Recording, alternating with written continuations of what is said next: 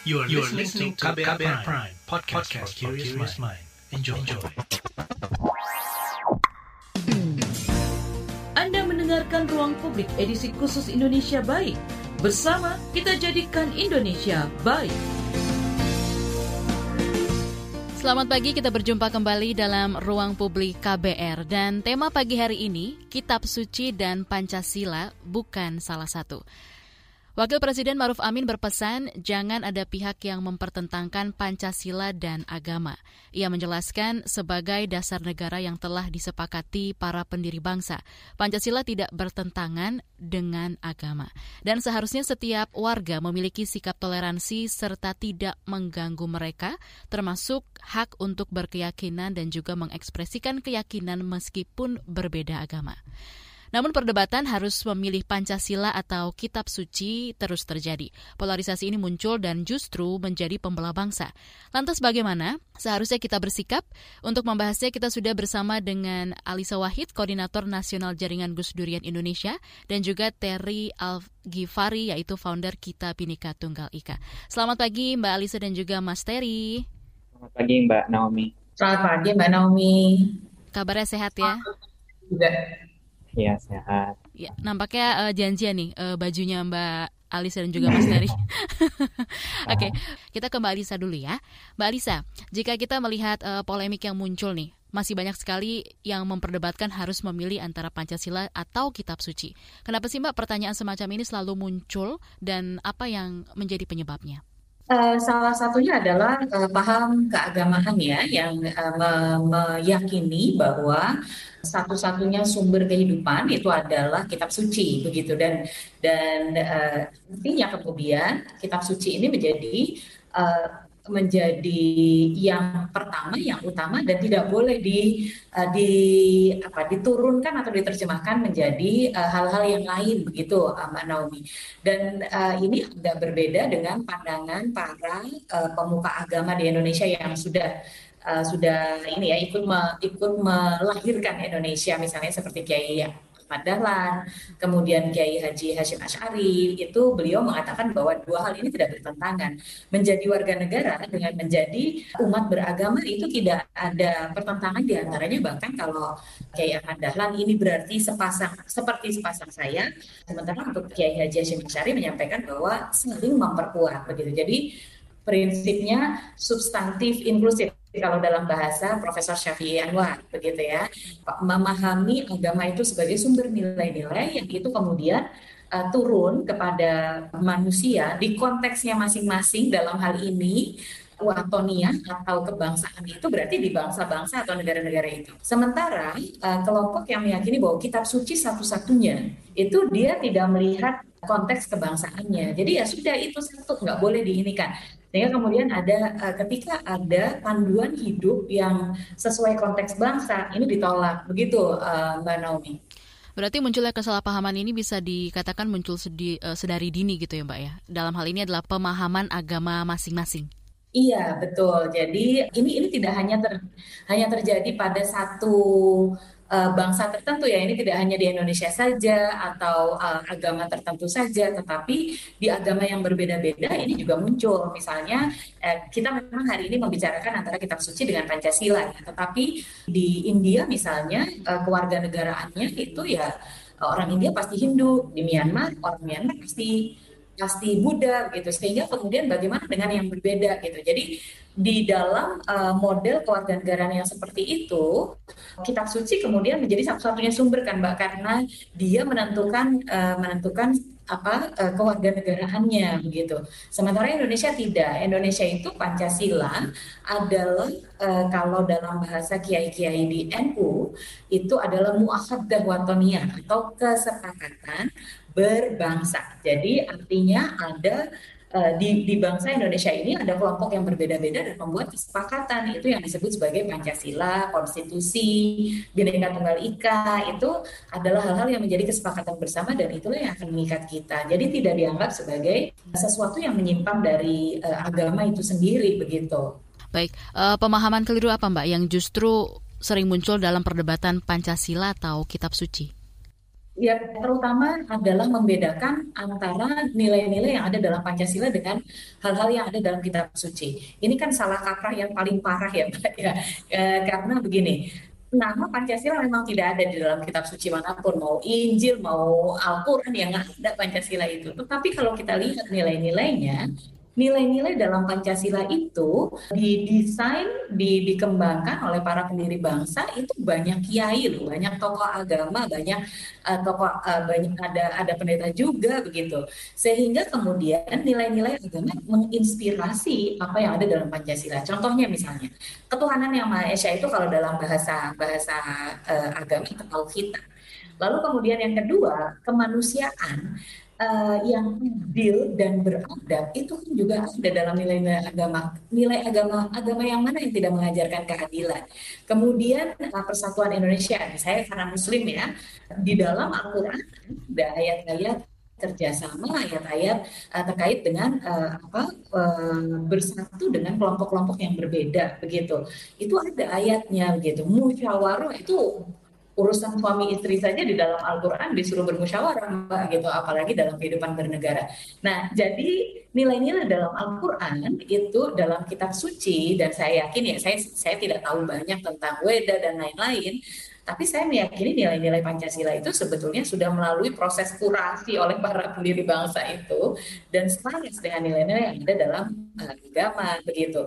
Jadi kan aneh mempertentangkan antara Pancasila dengan kitab suci karena ya sebetulnya nggak ada pertentangannya. Ketika kita melakukan uh, Pancasila di uh, sekali lagi karena saya orang NU, saya merefernya pada NU nih ya. Di NU itu ada yang namanya mabadi khoiro ummah begitu. Itu lima lima akhlak dasar ya di di NU begitu. Datang dari mana? Dari Quran gitu. Tapi apakah ada nama Mabadi Khairu Ummah di dalam Al-Quran? Yang ada itu istilah sama, Pancasila juga begitu. Tapi nilai-nilainya ada nggak dalam Al-Quran? Ya banyak begitu.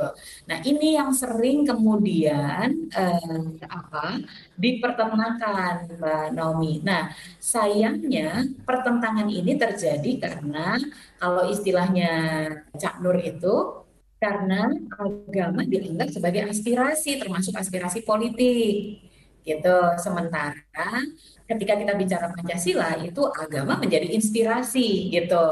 Jadi atau kalau Gus Dur menyebut Islam itu Islam dengan i kecil itu berarti Islam yang ada dalam hati kita menjadi nilai-nilai yang memandu kita sementara Islam dengan i besar itu aspirasi politik.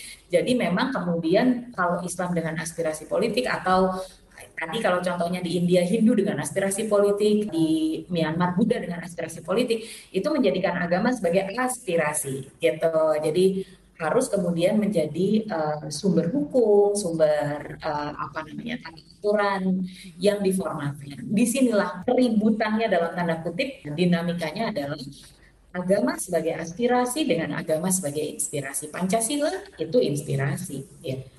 Baik, terima kasih Mbak Alisa. Sebelum kita bertanya lebih banyak, saat ini juga sudah bersama dengan Mas Terry dari Kitab Binika Tunggal Ika. Mas Terry bisa dijelaskan terlebih dahulu apa sih Kitab Binika Tunggal Ika ini sendiri? Silakan. Kitab Binika Tunggal Ika itu salah satu NGO yang bergerak di bidang uh, pendidikan perdamaian. Kalau kita selalu membahasakannya gerakan pendidikan perdamaian dan anti kekerasan. Tapi dipisahnya jadi dua, gerakan pendidikan perdamaian dan gerakan anti kekerasan kami aktif untuk gerakan pendidikan perdamaiannya menyasar uh, pemuda dan pendidik.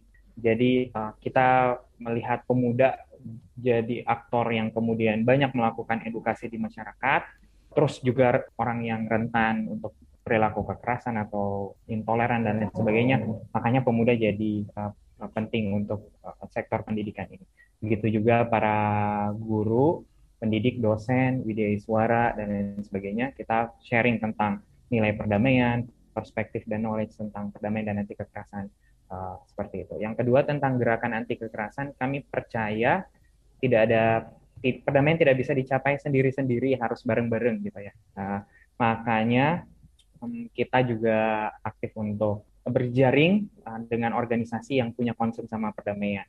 Dan jejaring ini jadi modal untuk advokasi kepada pemerintah dan stakeholder-stakeholder penting uh, untuk perdamaian.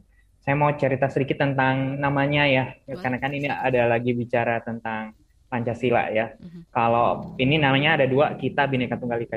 Tunggal Ika Bhinneka Tunggal Ika kan ada di letak kaki Garuda Pancasila. Jadi sebenarnya secara filosofi gerakan kami juga didasari oleh Pancasila, sedangkan kita kita itu punya dua makna sebenarnya. Uh, kalau kita di Makassar itu kayak karifan lokal yang menyapa seseorang dengan sopan. Misalnya saya panggil Mbak Naomi dengan uh, kita, itu berarti Mbak Naomi juga bagian dari saya gitu. Terus untuk karifan nasionalnya kita itu kan menghilangkan sekat-sekat kami dan mereka. Menariknya ketika kita pelajari uh, latar belakang Pancasila, terus kemudian pernah Soekarno menyampaikan di satu Jun uh, pidatonya tentang Pancasila, dasar pertama katanya kan nasionalisme. Tapi menariknya ketika Soekarno menyatakan nasionalisme, dia tidak menghilangkan dasar kedua yaitu internasionalisme. Jadi boleh kita punya nasionalisme yang kuat, tapi kita harus sadar kita nih bertetangga bangsa-bangsa, kita harus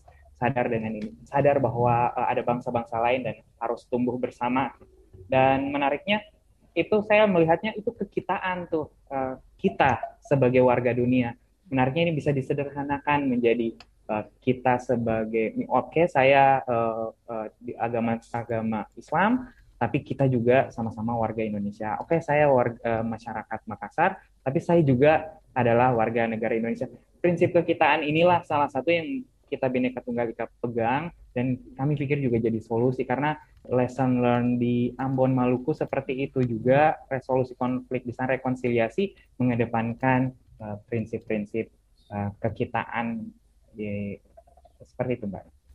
Uh, baik, uh, Mas Terry, gimana sih peran anak muda dalam mengimplementasikan nilai-nilai Pancasila sejauh ini yang diketahui oleh Mas Terry? Kalau saya eh, paradoks ya Mbak Naomi, jadi kita sangat bersyukur dengan banyak sekali anak-anak pemuda Indonesia yang hmm. punya kecintaan sama bangsanya, bikin gerakan kerelawanan, bikin gerakan pendidikan, bikin gerakan sosial dan lain sebagainya. Itu kan bukti tentang wujud nasionalisme dia ya. Jadi kesepakatan berkehendak bersatu untuk bangsa, tapi juga setelah bersatu ngapain kan untuk memberikan yang terbaik untuk bangsanya, mencerdaskan kehidupan bangsa. Dan um, kita melihat banyak sekali dari teman-teman uh, pemuda ya untuk uh, berkontribusi untuk uh, kemajuan bangsa. Namun uh, juga ada tantangan-tantangannya ya. Kita masih catatan masih ada misalnya ekstremisme uh, kelompok gitu. Itu kan kalau kita kan dengan Pancasila tadi itu bertentangan sama yang prinsip kita tadi, kekitaan tadi tentang uh, oh ya kita satu kelompok tapi kita harus sadar ada kelompok-kelompok yang lain harus respect dengan mereka dan lain sebagainya. Tapi ada fanatisme kelompok masih ada di beberapa kelompok masyarakat kita. Jadi perilaku-perilaku masih jadi tantangan ke sana. Kemudian yang kedua adalah ada tantangan di perilaku violence behavior. Kita masih sering menyelesaikan masalah dengan cara-cara kekerasan. Uh, saya uh, ibaratkan kayak oh, menyelesaikan masalah kan banyak opsinya ya. Dialog, musyawarah. Kalau Pancasila kan uh, mengedepankan musyawarah itu yang diajarkan sama kita.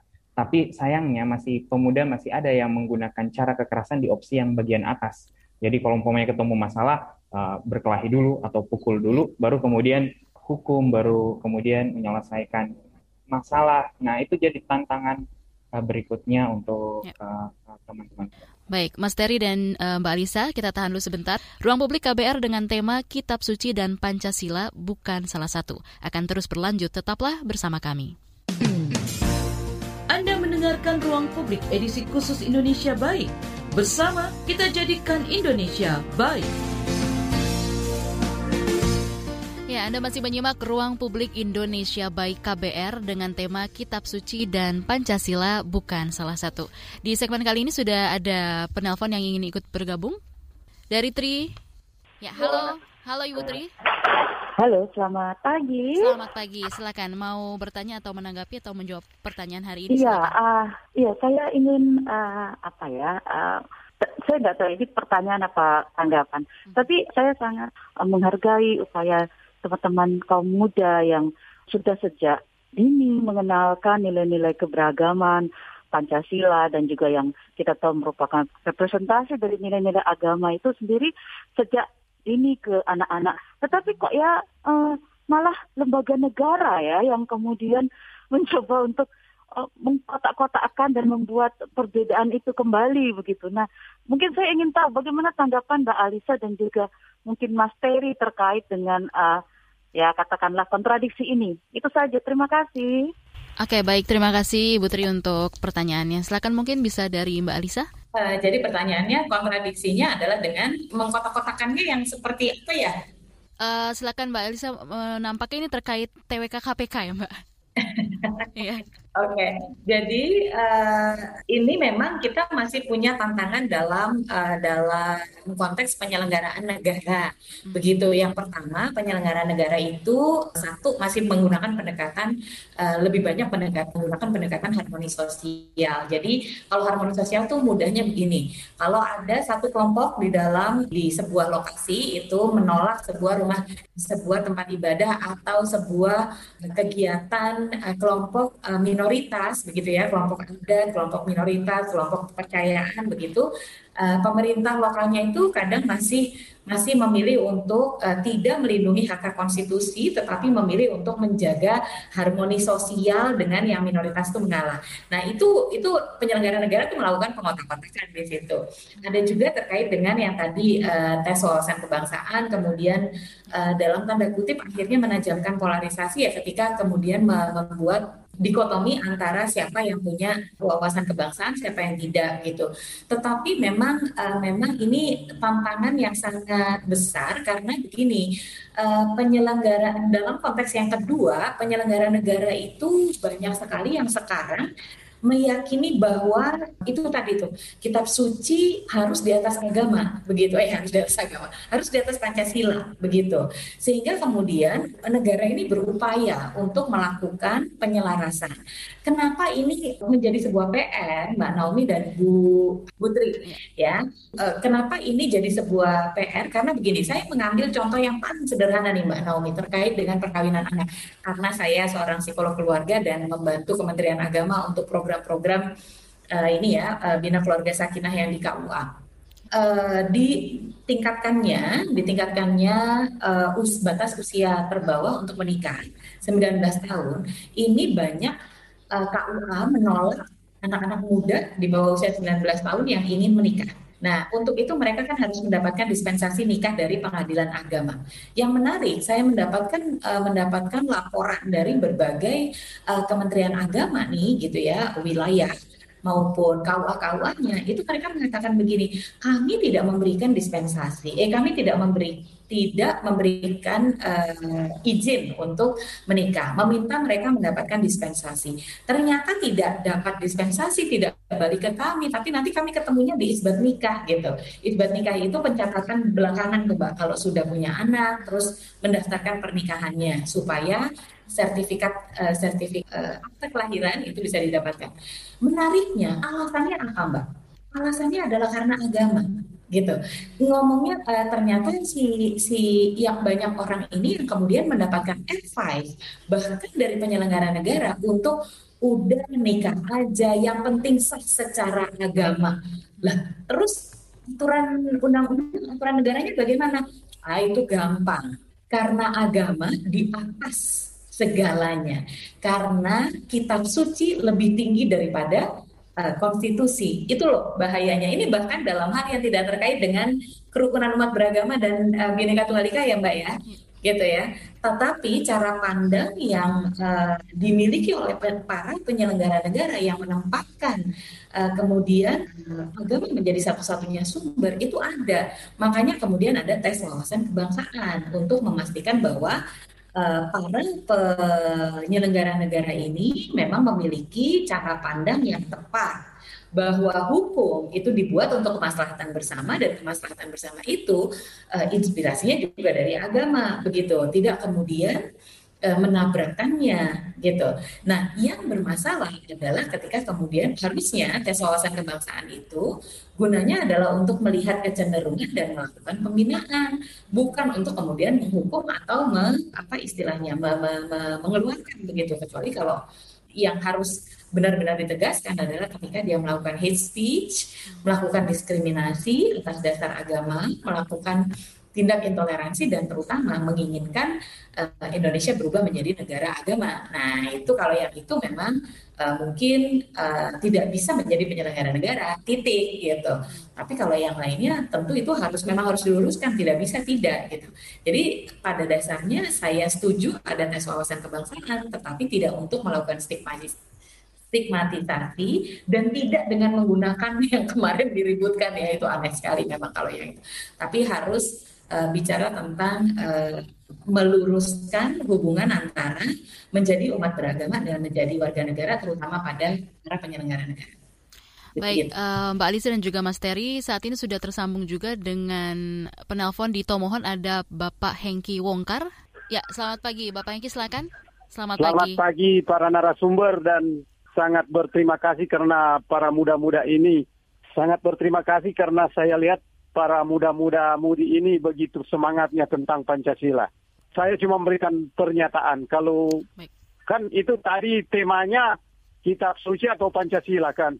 Bukan salah satu. Ya, ya. kalau menurut saya begini, kalau kitab suci itu untuk saya ya, kalau untuk sesama saya seumat, misalnya saya Kristen ya saya pakai kitab. Kalau saya mau memaks mau beritakan kepada yang tidak seagama dengan saya kan tidak mungkin. Jadi memang yang paling tepat untuk kita Indonesia itu dalam konstitusi dan pelaksanaannya di lapangan itu mesti Pancasila karena kita kan beragam. Jadi memang menurut saya mesti ya paling tidak kayak kalau mau dikatakan juga sama kitab suci dan Pancasila itu nyandak, nyandak juga bisa. Begitu saya katakan nanti di oleh orang lain oh masa anda mengatakan itu sama kita dan pancasila? Hmm. jadi menurut saya uh, memang untuk saya dan se apa satu orang yang seagama dengan kita ya mesti Alkitab. Kalau saya Kristen yang Islam ya tentu Islam. Tapi kalau yang beragam seperti Indonesia memang sebaiknya yang diterapkan itu aturannya itu melalui Pancasila. Dan ada satu yang saya mau sampaikan pernyataan begini soal TWK itu di KPK. Seharusnya menurut saya semua instansi juga itu mesti diterapkan karena dalam menerima ada penerimaan misalnya dalam polisi, kejaksaan atau apa itu mesti di PWK itu mesti di, mesti dilaksanakan. Tidak boleh cuma di KPK, mesti semua karena mereka kan pelayan publik. Jadi harapan saya itu mesti jalan untuk semua, bukan cuma di yang mau masuk di KPK. Kira itu saja KDR. Baik. Selamat pagi. Terima, Terima kasih. kasih. Selamat pagi juga untuk Pak Hengki yang sudah memberikan pernyataannya. Mungkin nanti akan bisa ditanggapi oleh Mbak Alisa dan juga Mas Terry. Tapi nanti akan kita lanjutkan setelah jeda ini. Siaran akan terus berlanjut usai jeda.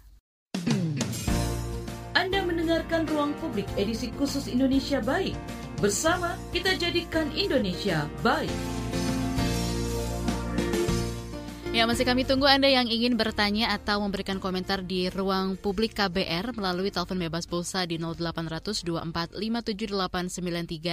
dan juga pesan singkat WhatsApp di 0812 Tadi sebelum uh, jeda uh, sudah ada penelpon dari Pak Hengki di Tomohon yang memberikan pendapat bahwa Pancasila adalah yang paling tepat karena bisa menghargai semua warga. Kalau suruh milih mana kitab suci atau Pancasila itu tidak bisa karena bukan untuk ditandingkan antar keduanya. Memang ya kita semua setuju karena memang uh, seperti yang disampaikan Mbak Alisa di awal tadi bahwa Pancasila itu bukan sebagai tandingan kitab suci tapi sebagai inspirasi dalam bernegara. Dan uh, saat ini sudah tersambung juga penelpon kembali dari Pak Aldi yang ada di Majalengka. Silakan. Selamat pagi Pak Aldi. Ya, halo Kak. Iya, silakan dengan pertanyaannya. Kalau menurut saya begini, saya dari yang beragama Muslim, menurut saya, menurut saya kitab suci sama Pancasila itu mengedepankannya hal yang sama. Karena e, mengutamakan ketuhanan yang Maha Esa itu di situ mungkin Bapak Pak Soekarno itu e, sangat hebat sekali mengedepankannya itu ketuhanan yang Maha Esa. Dan di situ bahwa mengutamakan Tuhan itu ya Tuhan itu loh, tanpa meninggalkan butir-butir yang lainnya. Itu jawaban saya. Terus saya punya pengalaman nih, Kak, punya pengalaman dia uh, beragama lain. Dia tinggal di daerah uh, Indonesia pernah mm-hmm. nah saya kenal lewat chat. Dia beragama lain kita bertukar pikiran. Saya bertanya apa sih menurut uh, kakak karena dia lebih dewasa? Uh, menurut kakak apa uh, memandang uh, kami yang beragama muslim begitu nah terus ada uh, si kakak itu ngomong katanya uh, menurut kami atau benar gitu? Apa benar kalau muslim itu mengutamakan kekerasan atau tidak atau menghargai untuk pembedaan yang lain untuk beragama lain? Nah di situ kita bertukar pikiran saling cerita e, memberikan pemahaman-pemahaman yang saya tahu dan akhirnya kita menyatu kak. Kita menyatu.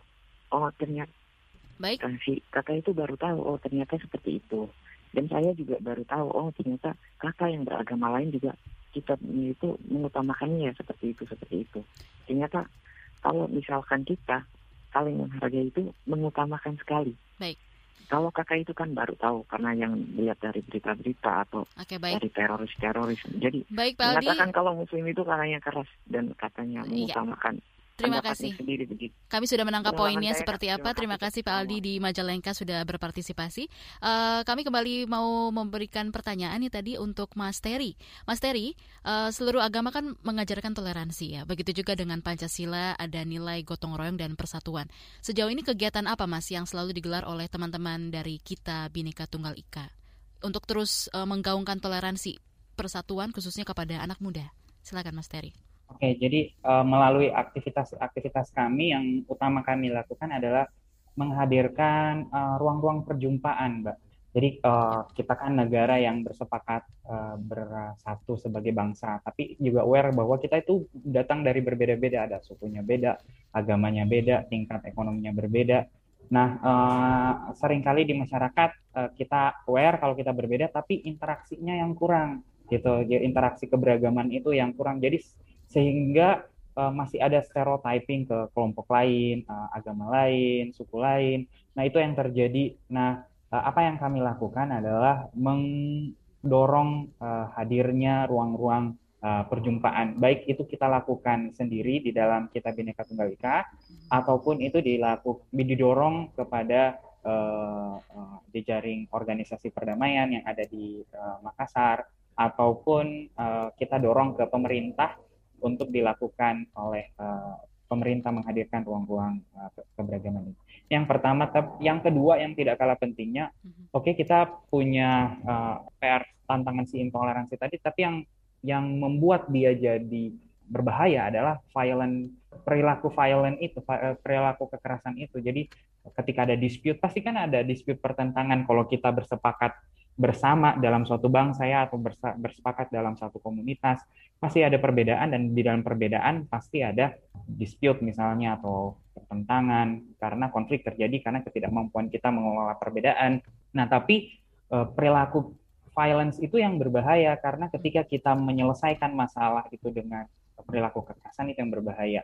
Nah, makanya kita aktif memo mencoba memotong rantai-rantai kekerasan minimal dari keluarga di sekitar agen-agen perdamaian yang ada di kita Bhinneka Tunggal Ika punya yang namanya Guardian Office, Mbak. Setiap tahun kami rekrut uh, dua batch uh, untuk apa agen-agen perdamaian dan anti kekerasan kami. Dan kita mendorong mereka memotong rantai kekerasan itu mulai dari dirinya sendiri, kemudian ke keluarga, uh, lingkungan komunitasnya, uh, itu yang uh, mereka lakukan. Dan kita juga ke pendidik yang tadi sebelumnya saya sampaikan, guru, pegiat komunitas pendidikan, uh, pegiat organisasi, dan uh, dosen Widya Iswara. Seperti itu. Baik, terima kasih Mas Terry. Uh, kita bacakan dulu yang sudah masuk di YouTube Berita KBR. Ada Bapak Charles Herlambang. Bapak Charles Herlambang mengatakan bahwa uh, salut kepada Mbak Alisa dan juga Mas Terry. Kalau saya melihat hal yang paling utama dalam menghargai Pancasila dan Kitab Suci adalah dengan menjunjung toleransi, gotong royong, dan juga menghargai antar sesama. Kemudian juga ada Bapak Reni Siregar, Pancasila sebagai inspirasi sangat kuat pesan yang disampaikan oleh Mbak Alisa. Kalau saya berpendapat Pancasila sebagai penguat untuk hablum minanas. Silakan uh, mungkin bisa ditanggapi dari Mbak Alisa. Iya betul, uh, saya setuju bahwa uh, Pancasila itu adalah uh, panduan bagi kita satu untuk hidup bersama uh, masyarakat yang berbeda. Jadi begini, saya mau mengambil uh, ajaran dari Kiai Haji Ahmad Siddiq, ini salah satu rois Am uh, di NU pada tahun 80-an. Beliau menyampaikan bahwa kalau umat Islam di Indonesia itu ingin menegakkan Islam sebagai rahmat untuk semesta, Islam rahmatan lil alamin, maka ada tiga persaudaraan yang harus dibangun. Persaudaraan yang pertama tentu sebagai orang Islam dia bersaudara dengan sesama Islam di mana pun di seluruh penjuru dunia. Begitu ya. Di seluruh penjuru dunia. Apa pun uh, apa pun latar belakang bangsanya kalau dia orang Islam kita perlu untuk membangun persaudaraan sesama Islam. Saya yakin ini juga menjadi uh, kalau kalau uh, dalam bahasa Islam ukhuwah Islamiyah Uh, tapi juga dalam agama-agama yang lain saya pun yakin juga begitu ya. Misalnya kalau orang Katolik ya pasti bersaudara dengan orang Katolik lain di seluruh penjuru dunia begitu. Uh, landasannya apa? Landasannya tentu saja adalah ajaran agama gitu ya. Tapi kemudian yang kedua menurut Kiai Ahmad Sidik ada persaudaraan sesama warga bangsa yang harus dibangun oleh setiap umat Islam di Indonesia, setiap orang Muslim di Indonesia dengan sesama warga bangsa Indonesia yang lain, apa pun latar belakang agama, suku, kelompok, dan lain-lainnya. Begitu. Jadi ada ukhuwah Islamiyah, ada ukhuwah watonia, ukhuwah kebangsaan. Dan yang ketiga itu adalah ukhuwah insaniyah, berarti persaudaraan sesama manusia. Begitu, di mana pun dia berada. Jin nggak usah ikut, nggak apa-apa. Eh, manusia aja begitu ya. Tetapi, nah bukan tetapi, nah yang nomor dua ini landasannya apa? Pancasila, begitu. Jadi apa yang mengikat kita nih sebagai sebuah bangsa Pancasila. Kalau di uh, di NU saya sering sekali mendengar para kiai itu bicaranya begini. Tugas kita memastikan bahwa setiap peraturan di Indonesia ini tidak melanggar syariat Islam. Itu cukup, begitu gitu itu cukup. Tidak harus kemudian aturan agamanya yang dijadikan sebagai aturan formal. Begitu untuk melindungi hak beragama orang Islam. Ini kalau para kiai NU ya. Nah Pancasila itu eh, tadi seperti para bapak-bapak sampaikan adalah adalah uh, pengikat untuk kita bersama-sama. Karena kita ini uh, berbeda-beda. Satu. Yang kedua juga menjadi panduan untuk tadi hablum minan nas gitu. Bagaimana menjalin hubungan dengan orang yang berbeda-beda ini. Uh, jadi saya setuju uh, dalam uh, dalam konteks itu.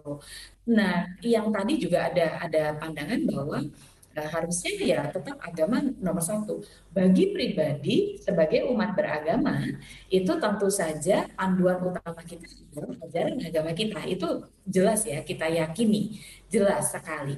Tetapi tidak memaksakan, tidak bukan memaksakan, tidak membuat ajaran agama ini kemudian menjadi ajaran formal itu yang menjadi uh, tantangan bagi kita. Makanya aturannya itu memang harus selaras dengan agama, tetapi tidak kemudian plek ketiplek dari kitab suci dijadikan aturan kemudian apalagi menggunakan cara berpikir mayoritas minoritas sehingga kemudian uh, yang terjadi seperti yang di India. Yang di India itu Mbak, undang-undang kewarganegaraannya begitu me membuat eksklusi ya. Jadi itu undang-undang kewarganegaraan yang tidak inklusif tapi eksklusif itu sampai ada ratusan kilometer rantai manusia protes itu orang-orang Hindu yang yang um, progresif yang moderat itu memprotes itu. Kenapa? Karena orang orang-orang India yang beragama Islam itu harus melalui proses natural, naturalisasi untuk bisa menjadi warga negara India gitu. Nah kita kan tidak mau melakukan uh, hal yang sama ya gitu. Bagi kita Indonesia dibangun di atas keberagaman semua setara sebagai uh, warga bangsa karena itu kita punya perlu punya aturan yang bisa mengat, me, me, uh, menjamin kesetaraan keadilan itu bagi semua warga negara begitu. Itulah gunanya uh, Pancasila dan konstitusi begitu. Jadi tidak untuk dipertentangkan memang uh, karena kalau dipertentangkan ya nggak akan pernah selesai. Dan apanya gitu saya juga bingung apanya yang harus dipertentangkan? Justru kalau kalau dipaksakan ajaran agama tertentu menjadi aturan itu uh, pasti mendiskriminasi umat yang lain. Baik, terima kasih Mbak Alisa dan juga Mas Terry. Nanti kita akan lanjutkan. Setelah jeda, Ruang Publik KBR akan kembali. Anda mendengarkan Ruang Publik edisi khusus Indonesia Baik. Bersama kita jadikan Indonesia baik. Kita tiba di bagian akhir ruang publik Indonesia Baik KBR hari ini dan bagi Anda yang tidak sempat mendengarkan siaran ini secara utuh bisa mendengarkannya kembali di kbrprime.id lalu pilih ruang publik. Kami juga akan membacakan uh, beberapa WhatsApp yang sudah masuk di line WhatsApp KBR. Ada dari siapa saja kah ini? Dari Ramadhani Arum Ningtyas. Ya, Pancasila itu adalah pandangan hidup dalam bernegara. Pancasila digunakan untuk mengatur bagaimana warga negara bisa hidup berdampingan dengan damai. Sejarah pembentukan Pancasila, sila ke-1, ketuhanan dengan kewajiban melaksanakan syariat Islam bagi pemeluknya, tapi diganti dengan ketuhanan yang Maha Esa. Karena filosofinya bahwa Indonesia merdeka karena perjuangan multi agama, multi kepercayaan. Para founding father telah melihat penting untuk tidak memecah belah bangsa ini. Pancasila adalah alat pemersatu satu, sedangkan kitab suci adalah pedoman lainnya yang digunakan manusia untuk hidup berdampingan dengan lebih baik. Kita lanjut lagi, uh, ada Dian Aditya Ning Lestari. Saya ingin memberi jawaban atas pertanyaan lewat live YouTube. Menurut saya kitab suci dan Pancasila keduanya penting karena kitab suci penting untuk meregulasi hubungan saya dengan diri sendiri dan Tuhan, sementara Pancasila meregulasi hubungan bernegara. Pertanyaannya saya, bagaimana menjaga keberagaman tersebut di tingkat lokal di mana polarisasi lebih kuat dan masyarakatnya mungkin lebih konservatif? Terima kasih. Kemudian ada juga dari Ahmad Mahin. Cara yang paling penting untuk menghargai kitab suci dan Pancasila adalah bertoleransi. Toleransi secara luas adalah sikap atau perilaku manusia yang tidak menyimpang dari nilai atau norma-norma agama, hukum, budaya, di mana seseorang menghargai atau menghormati setiap yang orang lain lakukan. Toleransi juga dapat dikatakan dalam istilah konteks sosial budaya dalam bertoleransi. Nah, selanjutnya kita ingin menjawab pertanyaan dari uh, Dian yaitu adalah e, bagaimana menjaga keberagaman tersebut di tingkat lokal di mana polarisasi lebih kuat dan masyarakatnya mungkin lebih konservatif. Mungkin e, bisa ke Mas Terry dulu, silakan Mas Terry. Kalau dari saya yang yang yang bisa kita lakukan adalah e, dua hal ya. pertama edukasi mm-hmm. kepada e, masyarakat di tingkat grassroots untuk utamanya. Terus kemudian yang kedua adalah memperjumpakan gitu, menghadirkan ruang-ruang perjumpaan yang tadi saya sudah jelaskan sebelumnya. Terus yang kedua sabar gitu ya. Bagi orang-orang yang memperjuangkan hal ini itu pasti mungkin dapat uh, pertentangan-pertentangan di masyarakat. Jadi tidak mungkin satu kali edukasi terus kemudian udah langsung berubah masyarakatnya dan lain sebagainya. Jadi orang-orang yang kemudian memperjuangkan hal ini mungkin saja mendapatkan pertentangan, uh, dimusuhin mungkin didiskriminasi mungkin dianggap aneh mungkin dan lain sebagainya. Bahkan mungkin terancam dengan kekerasan pun juga mungkin iya. Uh, tapi uh, uh, perlu sabar untuk menghadirkan ruang-ruang uh, perjumpaan ruang-ruang interaksi uh, edukasi dan kampanye kepada masyarakat. Dan untuk mempertahankannya perlu regulasi dari pemerintah uh, setempat. Karena kadang-kadang hal seperti ini biasanya terbanalisasi ya ter, ter mendangkal di dalam masyarakat udah jadi tradisi kebiasaan dan akhirnya sulit sekali untuk berubah dan melihat hal-hal baru sedikit dari saya. Ya, baik. Karena ini waktu sudah terbatas ya, kita ke pertanyaan Pamungkas, bagaimana sih uh, kita bisa menghargai kitab suci dan menghargai Pancasila secara bersamaan? Silakan bisa ditanggapi secara singkat masing-masing satu menit, mungkin dari Mbak Alisa dulu, silakan Mbak Alisa uh, saya teringat kalimat yang sering dipakai oleh Pak Lukman Hakim Saifuddin, mantan Menteri Agama kita, Menteri Agama tahun 2014 sampai 2019. Beliau menyampaikan begini, ber-Indonesia artinya kita menjadi umat beragama yang baik. Menjadi uh, beragama itu artinya kita menjadi orang Indonesia yang baik. Gitu. Ya, jadi bernegara dan beragama itu tidak harus dipisahkan Justru karena kita orang beragama yang baik, maka kita mengamalkan agama itu dengan menjaga uh, sisi kebangsaan kita sisi bernegara kita bersama anggota negara kita yang lain, warga bangsa yang lain. Begitu juga cara kita menjaga bangsa ini adalah dengan menjadi umat beragama yang baik.